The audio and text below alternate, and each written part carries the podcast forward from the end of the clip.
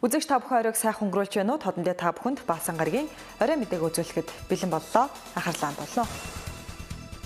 Улсын хурлын гишүүн пүрэвд орж ширээнүүдж эсэргүүцлээ илэрхийллээ. Та энэ дэгээс ах. Ёс зүйн дэд ороонд байнгаараа бичиг бэлдэж.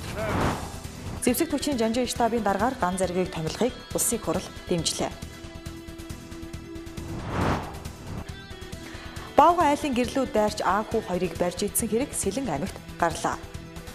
За гэр нурцсан ерөөд бол маш хэмжээний тустай хоёр хүний цогцос байсан. За Монголын багш нар 53 дахь удаагийн баяраа тэмдэглэж байна. Эдгээр олон бүсэд мэдээг үзүүлэхээр бэлтгэлээ. Ард нийтийн санал асуулгад тавьсан эрхлэгчийн хоргийг өнөөдөр улсын хурал хэлэлцлээ. Монгол Улсын ерөнхийлөгч ард нийтийн санал асуулга явуулах тухай болон үндсэн хуулийн нэмэлт өөрчлөлтийн төслийн эхийг батлах улсын хурлын 73 дугаар тогтоолд бүхэлд нь хориг тавьсан. За энэ хоригийг хүлээж авах эсэх асуудлыг улсын хурл өнөөдөр хэлэлцэж хоригийг хүлээн авлаа. За ингэснээр үндсэн хуулийн нэмэлт өөрчлөлтийн төслийг ард нийтийн санал асуулга явуулахгүйгээр 3 4 дугаар хэлэлцүүлгээр нь шууд батлахаар болж байна. Шийдвэрт хориг тавьсан тухай удаан хугацаанд олон хүний хүч хөдөлмөрөөр үндсэн хуулийн өөрчлөлтийг хийх ажил явж байгаад энд хүрээд ингээд зогсож явах шиг байна. Энд бас манай намын хэсэг бүлэг нөхдүүд сөрөг хүчинтэй хувилдаж энэ үндсэн хуулийн өөрчлөлтийг энд хүрээд ингээд оршуулахаар төлөвлөсөн гэж би ойлгож байгаа. Би энд нэг хүнд маш их харамсаж байгаа. Бид 6 сараас хойш тасралтгүй энэ дээр суус. Энэ 6 сараас биш бүр 2 жилийн өмнөөс энэ ажил эхлээд судалгаа хийгдээд хилцүүлэг зохион байгуулалт явсан. 6 сард үндсэн хуулийг хилцэж эхлээд хууль зүйн сайд, нэмд орд сайд бүлэгт байнга өөрийн зөвлөгөөг өгч Монгол Ардын намын бүлэг нэмд орд сайдын хилсэн болгоноор бүлгийн шийдвэрийг гаргаж явсан. Үндсэн хуулийг сөрөг хүчинтэйгээ ард түмнээ сонгогдсон ерөнхийлөгчтэйгөө зөвшөлтсөж явахгүй бол болдгоо баримт төчгшүү залуучуудаа гэж бидэнд хэлээд бид ерөнхийлөгчөө саналыг авч Арц намын зөвлөө саналыг авъя гэдэг ийм шийдвэр төрсөн. Зөвшөлтөг санал комист нэмдор цайд орж ажилласан. Зөвшөлтслөөгөө зөвшөлтслийн саналуудаа оруулж ирж бидэнд танилцуулсан. Төд удалгүй зөвшөлтслөөсөө өөрөө энэ зөвшөлтслийг ерөөсөө хүлээж авахгүйгээд дараагийн бүлгийн урал дээр шийд санал хэлээ санал хураалгаж өөрийнхөө талд шийдвүүлсэн. Одоо одоо болохоор ард нийтийн санал асуулгаар энэ үндсэн хуулийн өөрчлөлтийг явуулах шаардлагагүй. Ерөнхийлөгчийн хоргийг авах ёстой гэсэн. Ийм агуулгаар асуудал хандаад байгаад туйлыг харамсаж байна. Тэгээ ерөнхийлөгч бол үндсэн хуулийн нэмэлт өөрчлөлтийг дэмжиж байгаа. Гэхдээ энэ процессынхаа хуулийг зөрчөөд баталж байгаа чинь энэ нэмэлт өөрчлөлтийг чинь хүчингү болгоход хүрэх нь байна шүү. Эцсэлж батлахаас өмнө энэ алдаагаа засчихна уу? Нийлээд одоогийн улсын хурлаас энэ текстээс өөрөөр нэмэлт өөрчлөлт орох боломжгүй байна гэдэг бодит байдлаа бол хөлийн зөвшөөрөөд улсын их хурл тус болох гээд тэр нэг нэмэлт өөрчлөлтийг явуучаасаа гээд ийм хориг тавьж байгаа. Тэрнээс одоо нэмэлт өөрчлөлийн текст буруу байна. Тэрэн дотор ийм таалагдахгүй байна. Энийгээ зас миний тэр санал орсонгүй тэрийг заавал оруул гэдэг нь огт яриаггүй. Сая миний уншсан дөрвөн хуудас цааснаас бол харагдаж байгаа. 2016 онд сонгуулийн мөрөө хөтөлбөрт оруулсан тэр амлалтаа хэрэгжүүлэх үүднээс энэ одоо үндсэн хуулийн өөрчлөлтийг оруулж байгаа юм шиг юм яриад их юм. Тэгээ тэрийг хэрэгжүүлэхийн тулд юу ч хийсэн яадгийг гэсэн утас натай юм л манай янзгт яриад байна л да. Би бол ийм хариуцлагагүй байж болохгүй гэж хэлмээр байгаа нэгдүгээр. Хоёрдугаар Нямбатар гишүүн нэг сөрөг хүчин өөрийнхөө намын танаа одоо олонхын намын нэг хэдэн нөхдөөтэй хувилдаад зохион байгуулалтад одоо үндсэн хуулийг унгаад байгаа юм шиг юм яриад их юм. Таар өөрсдөө л унгаасан шүү дээ. Анханасаа л үндсэн хуулийн анхны хилцүүлэг яваад эхлэгч нь л арс намаа шаардлага тавьсан. Энэ үндсэн хуулийн хилцүүлэг чинь хууль бус эхэлж шүү. Үндсэн хуулийн хилцүүлэгч өөрөө үндсэн хууль зөрчсөн байдлаар эхэлж байна. Энийгээ зогсоо, болоо, наатаха тэр ард түмнээс асуу. Танаа мөр хөтөлбөрт байгаа. Өнгөрсөн хойно нөгөө нэргсэн ашиглав гэдэг шиг юм болчихвээ гэдэг анхааруулгыг бид нар удаадараа өгсөн харамсалтай нь үнэлгээ олонготой ирдэл хүч төрөл явсан шүү дээ. Сөрөг хүчин манаас гацаахын тулд гацаадаг, муу хэлхийн тулд муу хэлдэг зүгээр л ерөөс нэг үгүйсэхийн тулд бас үгүйсэхдэг байх жоохон зохимжгүй л дээ. Тэгээд таны гарын хэсэг зурсан 15 онд гарын хэсэг өргөн барьсан 47 гишүүний дотор өргөн барьсан үзэл баримтлал зүйл заалтын үндсэн хуулийн нэмэлт өөрчлөлт хий гэсэн санаа бол 62 гишүүний төсөл бүрэн байсан. Одоо ч гэсэн бас 80 90% хадгалагдаад байж байгаа. Нэг юм дээр би хатуу зогсож байгаа. Энэ үндсэн хуулийн өөрчлөлтийг өөрчлөлтийг ерөнхийлөгч ардчсан их хурл суудалтаа ардчсан намын уралцаагүй шийдвэрлэж огт болохгүй. Улс төрийн докторгүй байдал үүсэн тэр докторгүй байдлыг төр даахгүй. Энэ номуудын чинь цааны сунгасан хүмүүс нь байдаг. Энэ ерөнхийлөгч чинь цаана сунгасан дэмжигчт нь байдаг. Ийм оролцоогүй үндсэн хуулийн өөрчлөлт цаашдаа ямар ч засгийн үед ямар ч намын эрх мэдлийн үед шийдвэрлэх бололцоо байхгүй. Энийг л би харсан юм байна. Бас хууль зүйн дутаад хэргийн сайдын хувьд надад хүлээсэн үүрэг байна. Энэ 3 сая ард түмний төмнийг гудамжинд гаргачихгүй амгалан байдлын сахих үүргийг цагдаа хариуцд юм аа. Би энийгээ бас давхар бодож байгаа. Бодож байгаа. Зөвхөн би биш энэ сууж байгаа бүх гişүүд миний чиний энэ тэр нам гэж хэллгүй энэ амгалан байдлын баталгааг хангаж өгөх ёстой маа. Энийгээ бодороо. За улсын хурл ерөнхийлөгчийн хоргийг хүлээж авахгүйгээр үндсэн хуулийн нэмэлт өөрчлөлтийн асуудлыг цааш нь явуулах боломж нэг талаас тун хомс гэж зарим гишүүд үзэж байна. За ерөнхийлөгчийн хамгийн газрын дарагч мөн яг ингэж тайлбарлсан. Өөрөөр хэлбэл 73 дугаар тогтоол хууль зөрчсөн учраас энэ тогтоолыг хуульд нийцүүл гэж тавьсан хоргийг хүлээж авахгүй байлаач үндсэн хуулийн цэцэд очих нөхцөл үүсэх юм. Хэрвээ энэ асуудал цэцэд очивол үндсэн хуулийн нэмэлт өөрчлөлтийн асуудал мөн л удаашрна. Магадгүй энэ бүх эрсдлийг Монгол Ардын намын бүлэг бүрэн тооцож 2020 оны сонгуультай хамт ард нийтийн санал асуулга явуулж болно гэх хувилбарыгч гаргасан байж болох талтай. За ямар ч байсан хоргийг хүлээж авсан учраас үндсөөллийн нэмэлт өөрчлөлтийн төслийн их дахин задарч ерөнхийлөгчийн хуульд нийцүүлгэж тавьсан хоригт дурдгдсан засваруудыг хийх шаардлагатай болж байна. Санал хураалтад 51 гишүүн оролцож 30 гишүүн дэмжиж 58.8% саналаар энэ тогтоол батлагдлаа. За тогтоолын эцсийн найруулга дээр саналтай гишүүн байна уу? Алгаваа эцсийн найруулгыг сонсон тооцлоо. Улсын хурлын хууль зүйн байнгын хорооны хуралдаанаар өчигдөр эрүүгийн хуульд нэмэлт өөрчлөлт оруулах тухай засгийн газрын өргөн мэдүүлсэн хуулийн төслийг хилцэх хэсгийг хилцэж дэмжлээ. За гэхдээ энэ үеэр улсын хурлын гишүүн пүрвдэрж ширээ зохиж байнгын хорооны хуралдааныг баггуу саатуулсан юм а. За түүний хийсэн үйлдэл хөн хилцэх хугацаатай холбоотой байжээ. 2017 оны 4-р сард Улсын хурлын хууль зүйн байнгын орооны хуралдаанаар эрүүгийн хуульд нэмэлт өөрчлөлт оруулах тухай асуудлыг хэлцгүүгээр Улсын хурлын гишүүн Нямбатар эрүүгийн хэргийн хөөн хилцэх хугацааг 10 жил байсныг 5 жил болгож өөрчлөхийг дэмжсэн. За ийм ёс зүйтэй үйлдэл гаргасан гишүүн одоо хууль зүйн байнгын ороог даргалж дахин эрүүгийн хэрэг хөөн хилцэх хугацаатай холбоотой асуудлыг хэлцгийг эсэргүүцэн гормын санал гаргах гэсэн боловч түүний саналыг хууль зүйн байнгын орооны дарга Нямбатар хүлээж аваагүй учраас гишүүн пүрвд орч эсэргүүцлээ илэрхийлсэн гэлээ. Их хурлын гишүүнээ өөр үгэлж яхад ягаад микрофон туслаад байгаа юм бэ? Тэгээ сахи. Би гормын санд гаргах чинь өөрөөр хэлбэл ажлын хэсгийн даргаас таныг болиулах санд гаргах чинь За энэхүү хууль зүйн байнгын орон дарга Нямбатрыг микрофонд үг хэлхийг эсэргүүцэж Пүрвдорж гишүүн эцэстээ ширээн үдэж эсэргүүцлээ илэрхийлсэн. Харин түүний хурд өмүүлсэн энэ үйлдэлийг улсын хурлын ёс зүйн дид хороогоор хилцэх болно гэдгийг Нямбатар гишүүн анхааруулсан юм а. Та яагаад 10 жил болгосныг 5 жил болгосон юм бэ? Яагаад санд өгсөн юм бэ? Тэ яагаад тэр санд өгчөөд яагаад ёс зүйгүй үжиж энэ одоо ажлын хэсгийг ахлаад яваад байгаа юм бэ? Ямар ажлын хэсэг энд одоо э, засгийн газараас өргөн мэдүүлсэн хуулийн төсөл ярих гэж байна. Таны энэ Та энэ дэгээ сах. энэ ажлын Ёс зүйн дэд хороонд байнгаараа бичиг бэлдээдэг. сайн өгөр Бичиг бэлдээдэг. Би өргөн барьсан төслийн танилцуулга хийж байна. За уг нь хууль зүйн сайд нямдорж эрүүгийн хэргийн хөөн хилцэх хугацаатай холбоотойгоор хуульд хэн ямар өөрчлөлт оруулсан тухай пүрвд орж гишүүнд тайлбарлахыг хүссэн боловч пүрвд орж гишүүн цайны аягаар ширээн үтсэн хэврэлээ. За бай. Энэ Продоржа.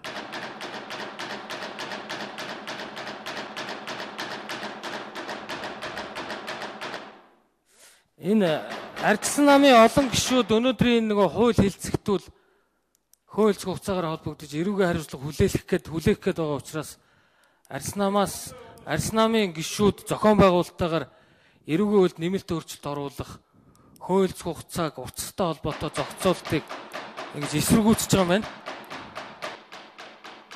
За харин өнөөдөр байнгын орны хурал өмүүлсэн пүрвд орж гишүүн өөрийнхөө үйлдэлийн талаар ингэж тайлбарллаа. За тэрээр Нямбатар гишүүний ажлын хэсгийг нахалсан эрүүгийн хуульд өөрчлөлт оруулсан хуулийн төсөл батлагдсанаар өнөөдөр 400 гаруй хэргийн холбогдогч хөөн хилцэх хугацаа дууссан гэх үндслээр ялаас мултарсан тул ингэж эсэргүүцлээ илэрхийлсэн гэсэн юм а. Тэгэхээр 2017 оны 4 сарын 25-ны өдөр 19 цаг 21 минутанд зүйн байнгын орон дээр хөөн хилцэх хугацааг одоо багасгах тэр одоо хуулийг хилцсэн. Тэгэхээр энэ одоо энэ одоо хуулийг ажлын хэсгийн ахлагч нь бол Нямбатар байсан байгаа. Дээрээс нь одоо яг энэ алан авилга алан тушаалыг эмт хэрэгтэн хүмүүс энэ хуулиас зугтах энэ боломжийг олгосон тэр заалт дээр дэмжиж санал өгсөн ийм нөхөр байгаа. Тэгэхээр энэ нөхөр яг энээс нь болоод энэ заалтаас болоод нийтдээ 400 гаруй хэрэг гэмт хэрэг одоо хүн хөлсөх хугацаагаар одоо хаагдчихж байгаа. Өөрөөр энэ хуулийн хөгжлийн хүрээнд 2 жилийн хугацаанд. Тэгэхээр энэ энээс болж хэдэн хэд 10 хэдэн зуун тэрбум төгрөгийн хохирол одоо учирч байгаа. А энээс болж одоо жишээ нь одоо мэрэгжлийн хяналтын тэрбум төгрөгийн авилгал сейфэндээ хийцэн гэр орондоо нууцсан нөхөр хэрэг нь хэрэгсэхгүй болж байгаа. Тэгэхээр 400 гаруй гэмт хэрэг энэс болж ингээд ялз гэмт хэрэгтнүүд ялз авчиж байгаа. Жирийн хулгай одоо жирийн айл хулгайд өртсөн айл одоо хулгайчаас гисүүлээд зайлан одоо жишээ нь тэр айгуул маратын хэрэг гэж жи таймын хэрэг энэ энэ заллин хэрэг одоо энд ороод байхгүй болж байгаа шүү дээ. Тэгэхээр ийм одоо маш их хохиролтой ийм хэрэгүүд одоо энэ хүн хөлс хугацаагаас багасгаснаас болоод байхгүй болж байгаа. Энийг нь би энэ дэмжсэн энэ ажлын хэсгийн ахлах байсан эргэн хуулийг батлуулсан энэ нөхрийг одоо энэ яг энэ асуудал дээр энэ байнгын орооны энэ хурлыг удирдах болохгүй л гэж хэлсэн. За хэрвээ бүрдорж гишүүний хэлсэн үнэн бол өнөөдөр G Times сүлжээний Маратын хэрэгээс эхлээд жирийн орон байрны хулгайн гэмт хэрэгтэн цаашлаад авилга албан тушаалын томоохон хэрэгтнүүдийн хэргийн хөөн хилцэх хугацаа дуусч ял завшиж байгаа л та. Төрийн ордноос Алтанхүү Батбаяр сурвалжлаа. Тэгээ их хурлын тамгын газрын даргаыг би энэ танхимд ирж Зэвсэг түвшний жанжин штабын дараагаар тус газрын ажиллагааны газрын дарга ган зоригийг томилохыг улсын хурлын гишүүдийн олонхон дэмжлээ. За ерөнхийлөгч зарлиг гаргаснаар тэрээр жанжин штабыг удирдах эрх үүснэ. Улсын хурлын чуулганы нэгдсэн уралдаанаар зэвсэгт хүчний жанжин штабын даргаыг томилох хэсэг асуудлыг хилцлээ. Зэвсэгт хүчний жанжин штабын дарга Ганбатан эрүүл мэндийн шалтгаанаар өөрийн хүсэлтээр үүрэгт ажилласаа чөлөөлөлт хүсэлтээ өгсөн тул түүний орон зэвсэгт хүчний жанжин штабын ажиллагааны удирдлагын газрын дарга Ган зоргийг томилохыг улсын хурлын гишүүдийн олонх дэмжлээ. Гэхдээ хэд хэдэн асуудлыг шинээр томилогдох жанжин штабын дарга сануулсан юм а. Тухайлбал сүүлийн үед цэргүүд олноороо амнасаа алдах тохиолдол гарах болсон. Замаа ерхий сайд хөрөлсөх цэргийн нэгдсэн холбоо ерхийлэх цэргийн фронт байгуулах тухай асуудал сүүлийн үед баггүй ярьж байна. Тиймээс энэ үйлдэл нь хуульд нийцж байгаа эсхийг нягталж үүнд анхаарлаа хандуулах ёстой гэдгийг Жанжи штабын шин даргад сануулж илаа. Яагаад сэргүүд нас бараад байна? Энэ дээр одоо ямар арга хэмжээ авах? Байнгын одоо ингээл мэдээ баг сонин үүсгэхэд тэнд нэг цэргийн анги нэг цэрэг ингээд амиа алдчихэ. Энд нэг тэр цэргийн очиод тэнд ингээд амиа алдчихэ гэдэг. Энэ асуудлууд дээр одоо шийдэх сахилах хариуцлага юм байна уу? Энийг нэгдүгээр асуумаар байна. Сүүлийн үед энэ хэвлэлээр харахад цэргийн нэгдсэн холбоо гэдэг хамгийн улс төржих ёсгүй албан тушаалтай цэргийн мөрдөстэй хүмүүс ийм эвсэл холбоод нэгдэх хэрэг байдаг юм уу? Та тэрийг юу гэж бодож байна? Иргэний танд бэлдээд юм. Одоо бас нөгөө талд нь дахиад манай ерөнхийлөгчд ардан байгаа бололтой фронт байгуулсан. Би бол тэрийг бол ингэж хараад баярхуу маярхуу гэд манай л ерөнхийлөгчийн найзууд харагдаад байлээ. Бат нөгөө хоёр генерал, Баяр Магна генерал, Болдбаатар генерал өөр ямар сэргийн нөхдүүд бас дотор сууж байгаа. Генералууд өнөөдөр улс төржиж болж байгаа юм уу? Ерөнхийлөгч ямар нэгэн эвсэл холбооны ард байхгүй. 16 дугаар үндсэн хуулийн 16 дугаар зүйлийн 10 дугаар эвлэлдэн нэгдэх эрхийнхаа дагуу төрийн бус байгууллага байгуулах энэ бол нээлттэй цэргээс салгдсан улсууд төрийн бас байгууллага байгуулж болно. Тэр талаар өнөөдрийн хэлцэж байгаа асуулттай холбогдлого учраас одоо хариулах боломжгүй байна. За төрийн бүс байгууллагуудын үйл ажиллагаа бол одоогийн манай Монгол улсад мөрдөгдөж байгаа хууль эрхцэн хүрээнд явж байгаа гэж үзэж байгаа. Энэ төрийн бүс байгууллагын үйл ажиллагааны хууль эрх зүйд нийцэхгүй явж байгаа асуудлыг бол энэ төрийн цэргийн байгууллагаас бусад байгууллагууд үндсэндээ шалгаад нийцүүлэх баха.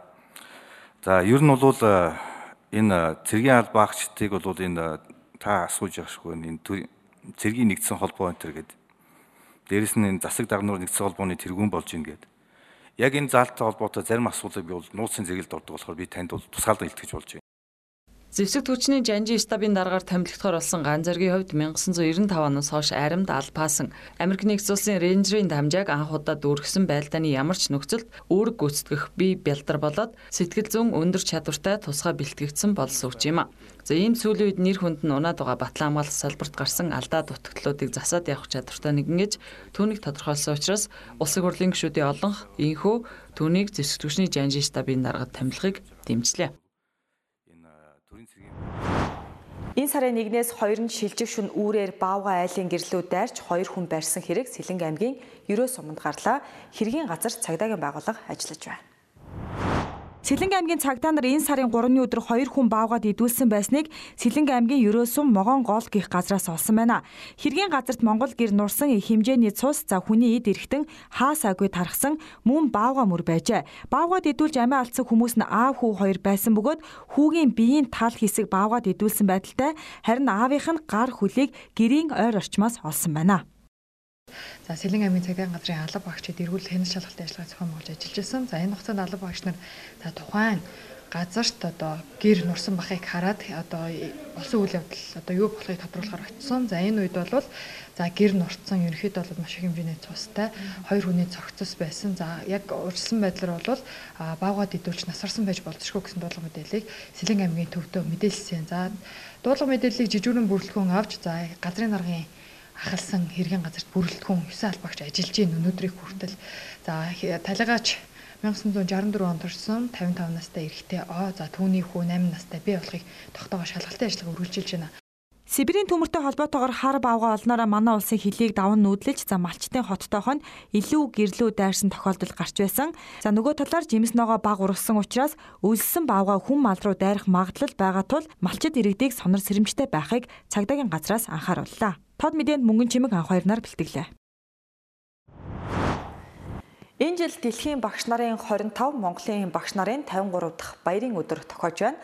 За энэ хүрээнд боловсрал соёл шинжлэх ухаан спортын яамнаас 2018-аас 2019 оны хичээлийн жилд ажил үсээрээ тэргүүлсэн багш нар болон улсын тэргүүний сургууль цэцэрлэгүүдэд тодруулан шагналыг нь гардуулан өглөө.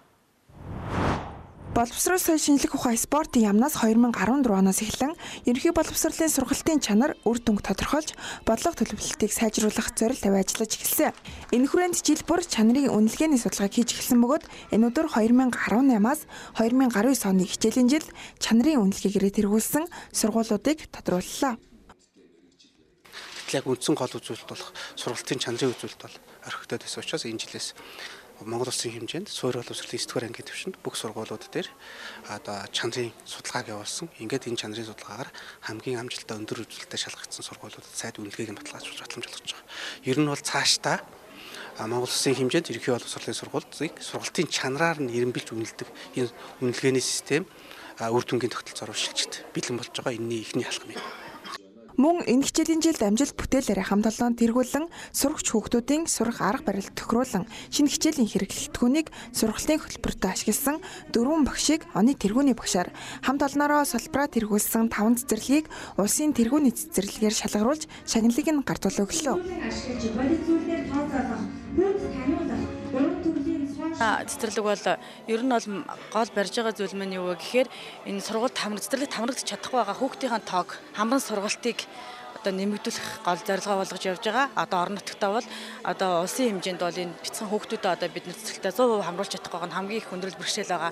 Бүхэл газар тийм байгаа. Тэгээд энэ оронтойгоо бас энэ сүүлийн жилүүдэд 100%-аар одоо нэмэгдүүлж тэрийгээ дагаад 15 хүний одоо багш нарын ажилчдын одоо сургалтаар яаж олох вэ гэдгийг ингэж бодож байгаад бид нэр хонхон чимээ гэсэн ийм сургалтын хөтөлбөр боловсруулад энэ сургалтын хөтөлбөр маань өөр өөрөө их онцлогтой А энэ энийг хүүхдэд багш олгохоос гадна а тухайн цэцэрлэгийн бүх сургалт үйл ажиллагаа нь хонхоор явагдаж байгаа. А бас эцэг эхчүүдийг энд хамарсан илүү онцлог байж чадсан болов уу гэж би бол хөтөлбөрөөр бодож байгаа. 2018-аас 2019 оны хичээлийн жилд цэцэрлэг ерөнхий боловсролын сургуульд нийтдээ 39.6 мянган багш, ихтэй сургуульд 10.4 мянган багш гээд боловсролын салбарт нийтдээ 50 гаруй мянган багш, 1 сая 100 мянган хүүхэд сурагчдад мэдлэг боловсрол болгон ажиллаж байна.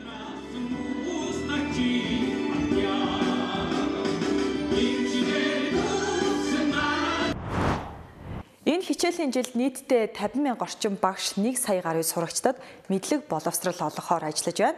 За үүний нэг нь нийслэлийн 23 дугаар сургуулийн багш Тамир бөгөөд тэрээр боловсролын салбарт 28 дахь жилдээ ажиллаж байна. Тамир багш 1990 онд Монгол Улсын их сургуулийг математик математикийн багш мэрэгчлэр төгснөөс хойш нийслэлийн лаборатори 23 дугаар сургуульд багшилж эхэлсэн бөгөөд 28 жилийн турш 4 анги төгсгсөн байна. Ер нь хүүхд жил жилийн бүр төгсөл төгсөл дээр биш ч гэсэн жил жилд хүүхдүүдийн одоо яг хуу альва хандж байгаа хандлага анхаарлаа төвлөрүүлж байгаа байдал хүнтэй харьцаж өгүүлж байгаа байдал бүгдээрээ ялгаатай байдаг. Тэгэхээр багш бол жил жилд дандаа өөрийгөө шинчилж ажиллаж идэг. Нийгмийн хэрэгцээ шаардлага нь ч тийм байдаг байх. А өсөж хүмүүжж байгаа орчин боловсронгуй болоод улам дээшлэгдсэн одоо сургалтын чанарт гарч байгаа өөрчлөлтөөч бодсон тэр багш болгон бол яг жил бүр шинчлэгдэж шинэ багш болгон ажиллаж идэв шин. Мөн 23 дугаар сургуулийн хувьд хотын хүн ам төвлөрсөн бүсэд байдаг 6 айлны гүнзгийрүүлсэн сургалттай гээд олон давуу талтай учраас жил бүр нэг анги дүүргэлтийн тоо дор хаж 58-аас 60 хүүхэдтэй байдаг гинэ. Энэ нь багшид хөөхд болгонтой тулж ажиллах сургалтын чанарыг дээшлүүлэхэд хүндрэл учруулдаг гэж тэрээр хэлж байлаа. Миний зааж байгаа ангууд гэтэл одоо 58-аас 60 хүүхэдтэй байна л. Тэгэхээр энэ нэг хүүхдэд хүртэж ажиллах цагийн маань хэмжээ багч багш нэг 120-оос 150 градусын хооронд ангийг харж иж хүүхдүүдэд бүрэн хяндаг. А гэтэл одоо нөгөө 58-аас 60 болоод тэгэхээр багшийн харааны өнцөг 180 болоод байгаа учраас нэг хүүхдийн алдаа дутагдлыг олж харах юм. Нэг хүүхдийн ойлгоогүйг олж харах харааны өнцөг багасаад ирж байгаа байхгүй. Тэгээ бид нар бол нийгмийн хэрэгцээнд тохируулаад хүүхдийнхаа тоог олноор нь аваад багшийнхаа ачааллыг нэмсэн ч нийгэмд үүргээ гүйцэтгэж байгаа. Хэдий багшийн мэрэгжил хүнд олон хүүхэдтэй ажилтдаг учраас тэрээр өдрийнхөө ихэнх хугацааг сургууль дээрээ өнгөрөөж гэр бүлдээ зарцуулах цаг нь бага байдаг ч тэрээр амьдралынхаа 28 жилийг хүүхдүүдэд мэдлэг боловсрол өгөхөд зориулсандаа баяртай байдаг гэдгээ хэлж байлаа. Багш мэрэгжил чинь хамгийн гоё нь юу вэ гэж ингээд яг хүүхд гар дээр өсөж харагдчихэйдэг. Ингээд өсөөд дивжиж байгаа нь харагдчихэдэг. Уруудчээвэл тэрийг дорн тордоод нөгөө цэцэг арчилж байгаатай адилхан дорн тордоод дээш нь өргөд яваад байх боломжтой байдаг.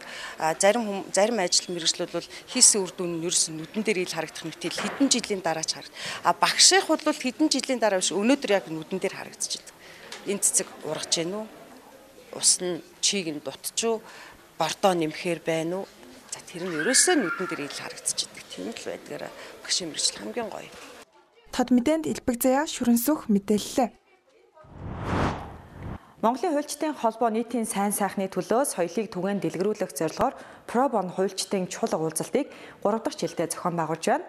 За энэ жилийн хувьд олон улсын Пробон үйл ажиллагааг хэрхэн үр дүнтэй хэрэгжүүлж байгаа талаар санал санаачлах туршлагаасаа хуваалцаж байна.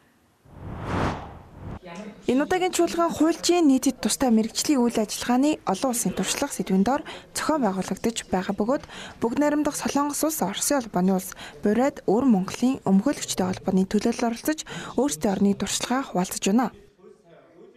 За Порбоно гэдэг маань өөрөө нийт тустай үйл ажиллагаа, үн төлбөргүй одоо зөвлөгөө мэдээлэл өгөх, төлбөрийн чадвар иргэдийн эрх ашиг хамгаалах чиглэлээр ийм олон улсын хэмжээнд хийгддэг ийм үйл ажиллагаа байгаа. Тэгээ энэ жил бид нар бол энийг олон улсын одоо хэмжээнд ямар байдлаар хийдэг, ямар туршлагууд байдаг талаар бол хэлцүүр өрнүүлж байна. За мөн манай одоо хуулийн байгууллагууд одоо энэ Порбоно үйл ажиллагаа хэрхэн яаж оролцох талаар бас хэлцүүлэг бас явж байна. За мөн одоо энэ Порбоно үйл ажиллагаанд технологийн одоо шийдлүүдийг яаж оруулж ирэх вэ? Ямар одоо жишээ нь хуулийн янз бүрийн асуултыг шууд технологийн шийдлээр шийдэх бололцоо юу байна гэдэг талаас нь бид нар хилцүүлгүүд бас өрнөж байна. Мөн Монголын хуульчтай холбооноос жил болгоны 5 дугаар сарын 1-нд иргэдэд үн төлбөргүй зөвлөгөө мэдээлэл олох өдөрлөгийг зохион байгуулдаг бөгөөд энэ жил ихэд 7500 гаруй хүнд хууль зүйн салбарын зөвлөгөө мэдээлэлээ үн төлбөргүй өгсөн байна. Хоёр удаагийн шалган дээр Порбоно өдөрлөгтэй болсон улс заяар. Тэр нь болохоор 5 сарын 1 гэдэг өдрийг Порбоно өдөрлөг болгосон. Энд болохоор улс заяараа орон нутаг одоо Монгол улс заяараа энэ өдөрлөгийг зохион байгуулах бүх одоо хуулийн салбаруудынхаа чиглэлүүдээр энэ болохоор бас маш өрдөн аш бүгдлөө өгсөн гэж бодож байгаа. Аа хуульчид гэдэг маань ерөнхий хуульч гэдэг нэр томьёонд нь бол шүүгч, прокурор, цагдаа, өмгөөлөгч гэдэг олон төрлийн мэрэгжил алтан тушаалууд хамаардаг. Энэ хүмүүс маань өөр өөрсдийн чиглэлээр цагдаагийн албал өөрсдөө цагдаагийн өршин сэргийлэх чиглэлээр өмгөөлөгчд бол өөрсдийн сайн дурын үйл ажиллагаа өн төлбөргүй хууль зүйн тусцаа үзүүлэх шүүгч бол хууль таниулах сурчлах прокурор бол хууль таниулах сурчлах урьдчилан сэргийлэх гэдэг олон чиглэлээр хүмүүс маань өөрсдийнхөө салбарынхаа хүрээнд нийтэд тусдаа иргэдэд олон нийт чиглэсэн сайн дурын үйл ажиллагааг явуулж байна. Энэхүү санхүүгийн чадваргүй иргэдэд хууль зүйн зөвлөгөө мэдээллийг үнэлбэргүй олгох хөтөлбөрийг зөвхөн нийслэлт гэлтгүй 21 аймгийн хуульчдын холбооны салбаруудаас иргэд үнэлбэргээ авах боломжтой юм а. Авилгатай тэмцэх газрын урьдчилан сэргийлэх соён гэгэрүүлэх хэлтсээс иргэн төвтэй соён гэгэрүүлэх өдрөлгийг сонгон хайрхан Баянзүрх дүүргүүдэд зохион байгууллаа. Тус газраас авилгатай тэмцэх үндэсний хөтөлбөртөө авилгаас урьдчилан сэргийлэх ажилд иргэд олон нийтийн хяналт оролцоог нэмэгдүүлэх зорилтыг төвшүүлж ажиллаж байна. Энэ хүрээнд өнөөдөр Сонгоо архан Баян зүрх дүүргийн 6 9 дугаар хороодод авилгын хор хөнөөллийг эдийн засгийн агуулгаар ойлгуулах мөн авилгатай тэмцэхэд иргэд ямар үүрэгтэйг таниулан зөвлөлөө. Талдаа бол зөвхөн авилгатай тэмцэх газар биш. Энэ энэ бүх зүйлийг мэдэж ойлгосон иргэн маань цаашд маш олон хүнд энэ э, одоо хорт үзэгдлийн хор хөнөөлийг тайлбарлан таниулах хэрэгтэй Тийм ч учраас өнөөдрийн арга хэмжээнд бид энэ авилгач ямар хор хөнөөлттэй юм бэ? Манай эдийн засагт одоо ямар хор хөнөөллийг учруулсан ер нь зөвхөн эдийн засагч гэлтгүү нийгмийн тийм ээ өөр бусад энэ салбаруудад учирч байгаа хор хөнөөлүүдийг бас тайлбарлан ойлгуулж хас гадна бас тэдэнд одоо эрх зүйн зөвлөгөөнүүд өгөх ёстой. Тухайлбал одоо албан тушаалтны хөрөнгө орлогын мэдүүлэг байна. Тэр одоо үнэлэлгүй хөрөнгөцсөн байж болзошгүй байна. Энэ хүн буруу мэдүүлжээ гэж яриад байдаг боловч иргэн түүнд яаж хяналт тавих юм бэ гэдгийг ерөөсөй ойлгодгүй учраас авилгатай тэмцэх газар ханддаггүй холбогд байгуулалт мэдээлдэггүй юм бол бас сөрөг өргөд дагаврыг дагуулж идэг.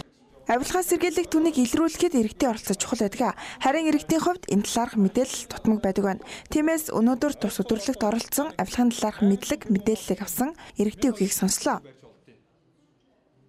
Тэр нэг авилгалын тухай бас яг э, ойлгодгүй байсан. Тэмцэх газар л гэдэг болсноос өмнө нь үйл ажиллагаа хийдэг газар гэдгийг нь бол мэдгүй авилгал авцсны дараа нэг авилгалтай тэмцэж гэн гэж ойлгоод байдаг байсан юм байна. Тэрийг ояаг энэ ярианаас л ойлгож байна. Энэ харин зөв зүйл гэж бодож. Урд нь ер нь бол энэ э, авилгатай тэмцэх газар гэж сонсч л байсан болохоос яг хороо дүүргүүдэд ирээд иргэдэд ийм мэдээ мэдээллийг таниулж исэн зүйл ерөөсөй байдгүй. Миний хувьд бол би л тэрийг бол санахгүй байна. Ямар ч авилгатай тэмц авилгын эсрэг э, хууль гарч байгаа. Тэгээ тэрнтэй холбогдуулаад иргэдэд мэдээ мэдээллийг таниулж байгаа нь маш чухал зүйл гэж бодож байгаа.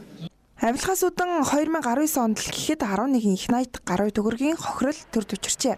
Иргэд өөрсдөө авилгад үгүй гэж хэлвэл энэ тог буруулах боломжтой. Тиймээс авилгатай тэмцэх газраас иргэдэд авилгыг таслан зогсооход ямар хүчтэй нөлөө үзүүлж чадах талаар нь зөвлөгөө мэдээллийг инхүү өглөө. Гэр хорооллын иргэдийг орон сууцчлуулах ипотекийн зээл авахтан дэмжлэг үзүүлэх зорилготой төмний байр төсөл хэрэгжиж байгаа. За энэ хүрээнд дөрөв дэх айлдаа шинэ орон сууцныхын төлхүүрийг гардуулан өглөө.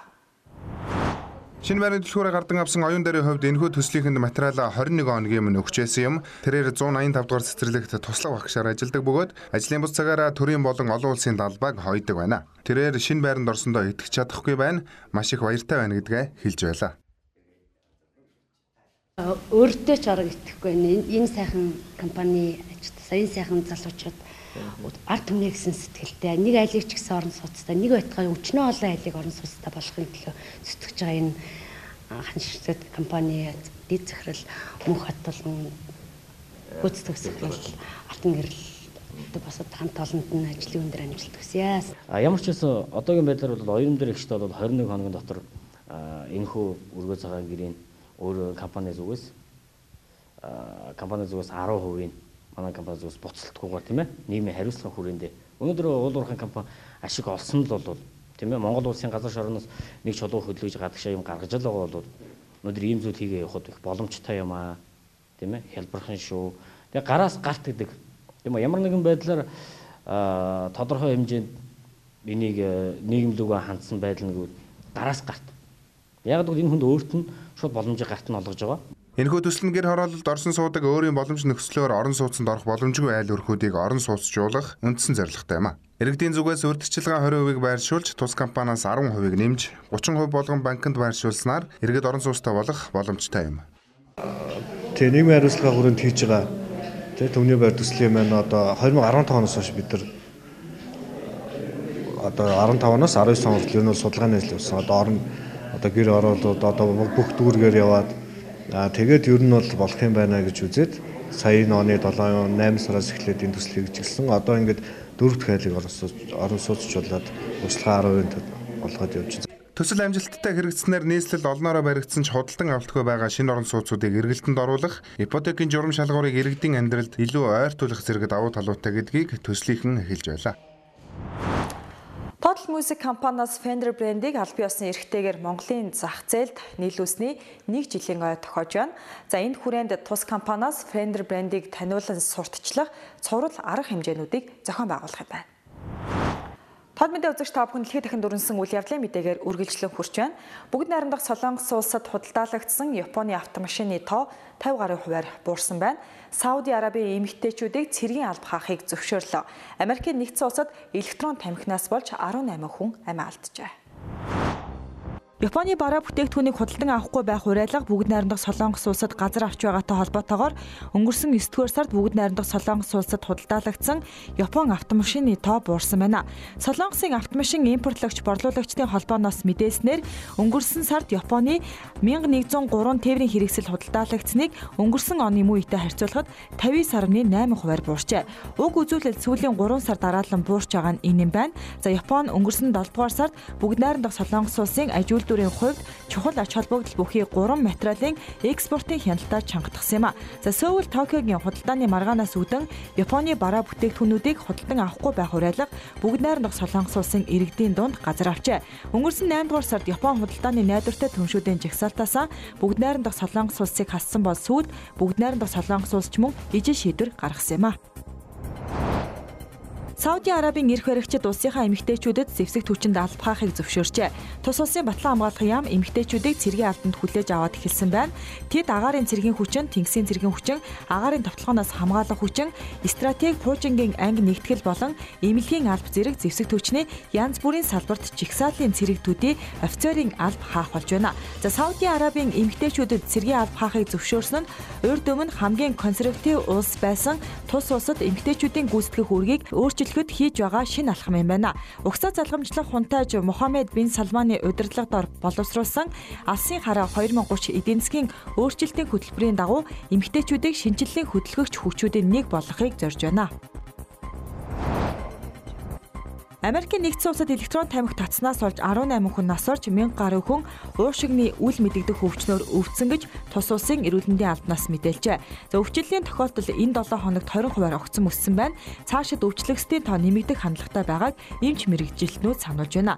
За эмч нар өвчний шалтгааныг тодорхойлж чадаагүй байгаач өвчтнүүдэд цээжээр өвдөх, амьсгал давхцах, сулдах зэрэг шинж тэмдгүүд илэрч байна. За Америкийн нэгдсэн улсын 48 мужи улсад электрон тамхи татснаас болж хүмүүс гэмтэж өвдсөн тохиолдол бүртгэгдсэн өвчнөөс 15 мужи улсад хүн нас орсон байна. За амиа алдсан хүмүүсийн хамгийн залуу нь 20 орчим настай бол хамгийн хөгш нь 70 настай байна.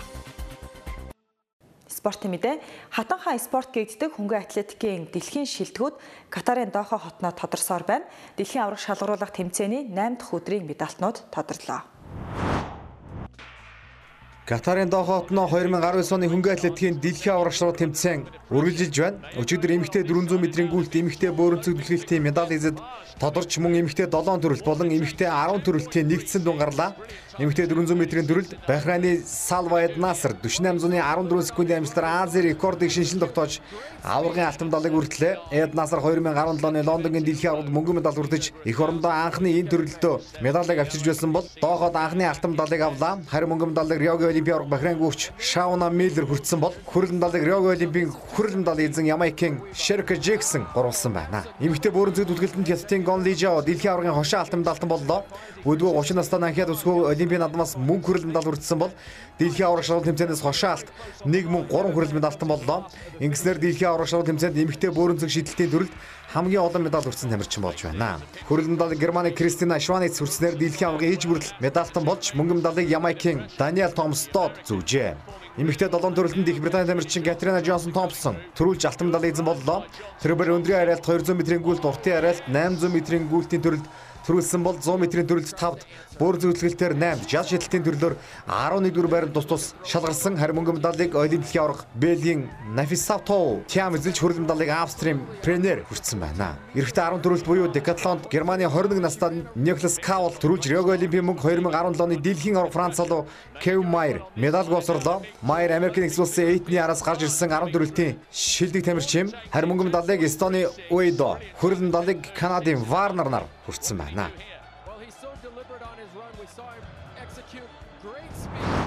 Аргентины алдарт сагсан бөмбөгч Льюис Скола Евролигт иргэн ирж байна. Италийн алдарт Милан баг туршлагатай тоглогчдоо гэрээ байгуулжээ. Аргентины алдарт сагсан бүчлүүс Скола энэ жил тусан дэлхийн шоу тэмцээнд тун сайн оролцож өөрийн бэлтгэл дуршлагыг олон улсын давцанд дахин нэг удаа томруулнаар харуулсан тэгвэл түүнтэй Евролигийн баг гэрээ байгууллаа. Италийн алдарт Милан баг түүнийг зуны солилцоо 8-аас онх хаагтгаас хэдхэн минут юм бүрэлдэхүүнд авчээ. Сүүлийн 2 жил хятадын сагсан бүлийг тоглосон Скола өмнө нь 1998-аас 2007 оны хүртэл Испани Тао Керамика багт хөшин зүгж байсан төвхтэй энэ одоогийн Баскоnia баг юм аа. Дэлхийн аваргын бэргэлийн багт нэрлэгдэж Аргентины шоугийг шигшээ төрсөлтөд гол үүрэг гүйцэтгэсэн Скола Евролигт 7 жил тоглохдоо 2000 гарсан оноо 810 самбраас бөмбөг авалт хийж тоглолт бүрт 14.3 оноо 5.6 самбраас бөмбөг авалт дундчилсан түүхтэй тоглогч юм аа. Уламжлал болон ирсэн Олимпийн тэтгэлэгт хөтөлбөрт хамрагддаг үйл ажиллагаа 2020 оны Олимпийг угтан эхэллээ. За манай улсаас 8 спортын төрлийн тамирчид хамрагдаж байна. Олон улсын Олимпийн орооноос Токио 2020 Олимпийн наадмыг угтан Олимпийн хөтөлбөрт багтсан ганцаарчсан спортын төрлөөр хичээлж буй тамирчдад тэтгэлэг төлбөрт хэрэгжүүлдэг уламжлалтай байлээ. Олимпийн наадамд оролцох эрх авах, цаашлаад медаль хүртэх боломжтой шилдэг тамирчид тус хөтөлбөрт хамрагддаг жамтай Монголын үндэсний олимпийн орноос спорт холбоодын албан хүсэлтийн дагуу тэтгэлэг төлбөрт нэр дэвшигчдийн тухай албан бичгийг олон улсын олимпийн орон дийлгэн шалгаруулснаар энэхүү хөтөлбөрт нийт 17 тамирчин Монгол улсаас хамраглаа. Өнөөдөр Монголын үндэсний олимпийн орны ерөнхий нарийн дарга Бадрууган тус хөтөлбөрт хамрагдаж буй тамирчид, дасгалжуулагчид, спорт холбоодын төлөөлөгчдийг хүлээн авч уулзсан тэтгэлгийг гардуулж амжилт хүслээ. Тэтгэлэгт хөтөлбөрт хамрагдаж буй тамирчид нь олон улсын олимпийн хороо Монголын үндэсний олимпийн хороо спорт холбооттой дөрвөлсөн гэрээ байгуулснаар 4 сар тутамд тэтгэлэг хүртэж буй бөгөөд тамирчид 1 сард 250 доллар Тасалжуулагч 100 доллар, спорт холбоотны үйл ажиллагаанд 26 доллар, амфетаминжуулалтанд 38 долларын дэмжлэг үзүүлэхээр болжээ. Токио 2020 тэтгэх хөтөлбөрт хамрагдаж буй тамирчдаас Жудо хөөс Сумья, Од2, Отонбаатар, Басхүү, Буудалгаас, Гүнэгмаа, Мөнхцул, Нандин заяа боксоос Чин зориг намун Таквондогоос Тэмүүжин хөнгө атлетикаас гант тулга, Байтаргоос гант төгс хөндөө өргөлтөөс анх цэцэглөөдгөөс Сэрэн чимэд алтан цэцгийн бат цэцэг тулга бих хоёр нар хамрагджээ.